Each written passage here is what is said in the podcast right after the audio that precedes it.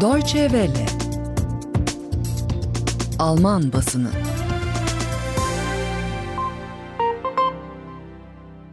Alman gazetelerinin başyorum konusunu Mesut Özil'in milli takımı bırakma gerekçesine gösterilen tepkiler oluşturuyor. Mesut Özil'in milli takımı bıraktığını açıkladığı mesajında ırkçılığa maruz kaldığını ve göçmen asıllı olduğu için benimsenmediğini dile getirmesi üzerine Almanya'da adeta yer yerinden oynadı. Frankfurter Allgemeine Zeitung, göçmenlerin Almanya'ya aidiyetinin tartışma konusu yapılmadığı görüşünü savunuyor. Özil trajik bir figüre dönüştü. Almanya Adalet Bakanı Barley, büyük bir Alman futbolcusunun ırkçılık yüzünden kendisinin ülkesinde istenmediğini hissetmesinin bir alarm işareti olduğunu söyledi.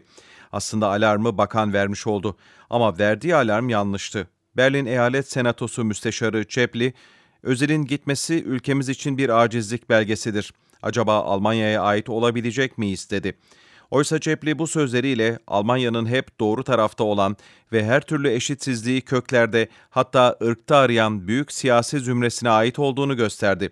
Artık bu zamanların geride kalmış olması gerekir. Düşünmeden bu kartı oynayan takip hezeyanı ve sorumsuzluktan mustarip demektir. Frankfurter Rundschau gazetesi Özil olayının sağ popülistlere yarayacağı görüşünde. Özil'in ırkçılara karşı savunulması gerektiğini kimse inkar edemez. Özil aynı zamanda belki ırkçı olmayan ama göçmen asıllı olup göğsünde iki kalbin birden attığını söyleyenleri kabul edemeyen ya da çoğunluk için zenginlik olarak göremeyenlere karşı da savunulmalıdır. Aynısı atalarının geldiği ülkenin en yüksek siyasi makamının saygıyı hak ettiğini düşünenler için de geçerlidir. Ama bu Özil'in Recep Tayyip Erdoğan'la birlikte poz vermesinin hatta bunu gerekçelendirmeye çalışmasının da savunulmasını gerektirmez. Özil sağdan da saldırıya uğradığı için onun davranışını eleştirenlerin susması sağ popülizmin zaferi olur. Die Welt gazetesinin yorumunda Özil'in eleştirilmesinin ırkçılık anlamına gelmediği belirtiliyor. Özil olayında sportif başarısızlık, kötü yönetim ve siyasi aptallık, ırkçılık suçlamasının ayrılmamacasına yapıştığı bir külçe haline geldi.